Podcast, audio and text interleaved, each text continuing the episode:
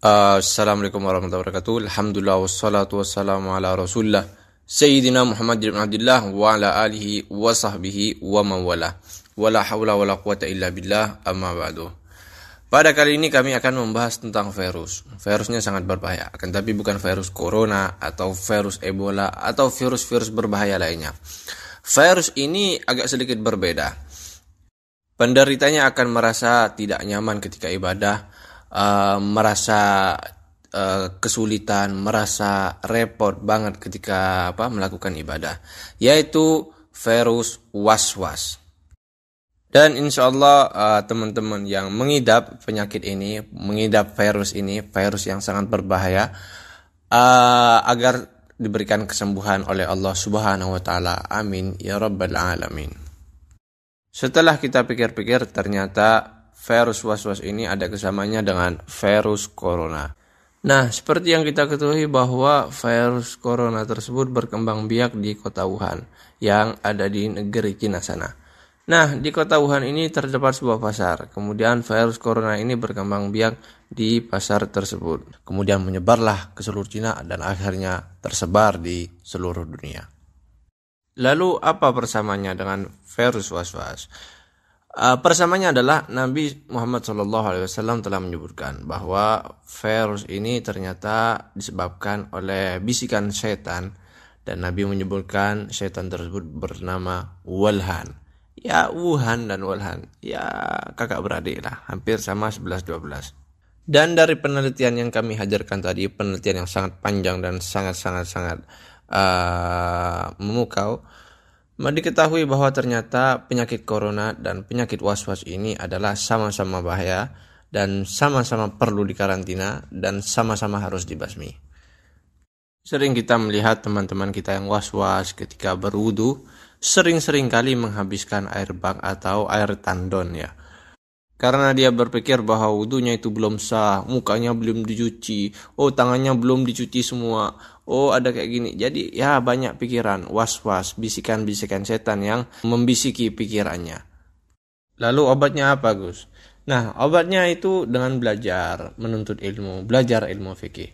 Ternyata ulama menyebutkan bahwa dalam mencuci anggota wudhu itu atau anggota dalam ketika mandi besar, yang disyaratkan yaitu cukup dhanu umumi yaitu menduga bahwa airnya itu sudah sampai ke seluruh anggota yang dibasuh.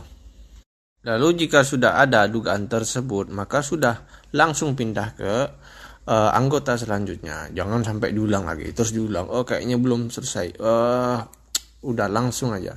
Oke. Okay? Langsung. Ya kalau misalnya satu bulan sekali ada dugaan seperti itu, ya cuci lah mungkin lupa benaran.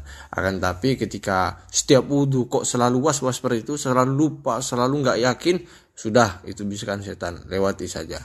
Dan juga ada sebagian orang yang was-was di dalam masalah najis. Nah, terkadang mereka itu meyakini bahwa semua tempat ini najis, terus juga takut, ya bingung lah. Ini najis apa tidak? Oh, dalam masalah najis, pokoknya selama Anda itu tidak melihat najis di depan mata Anda, maka yakinilah itu suci. Oke?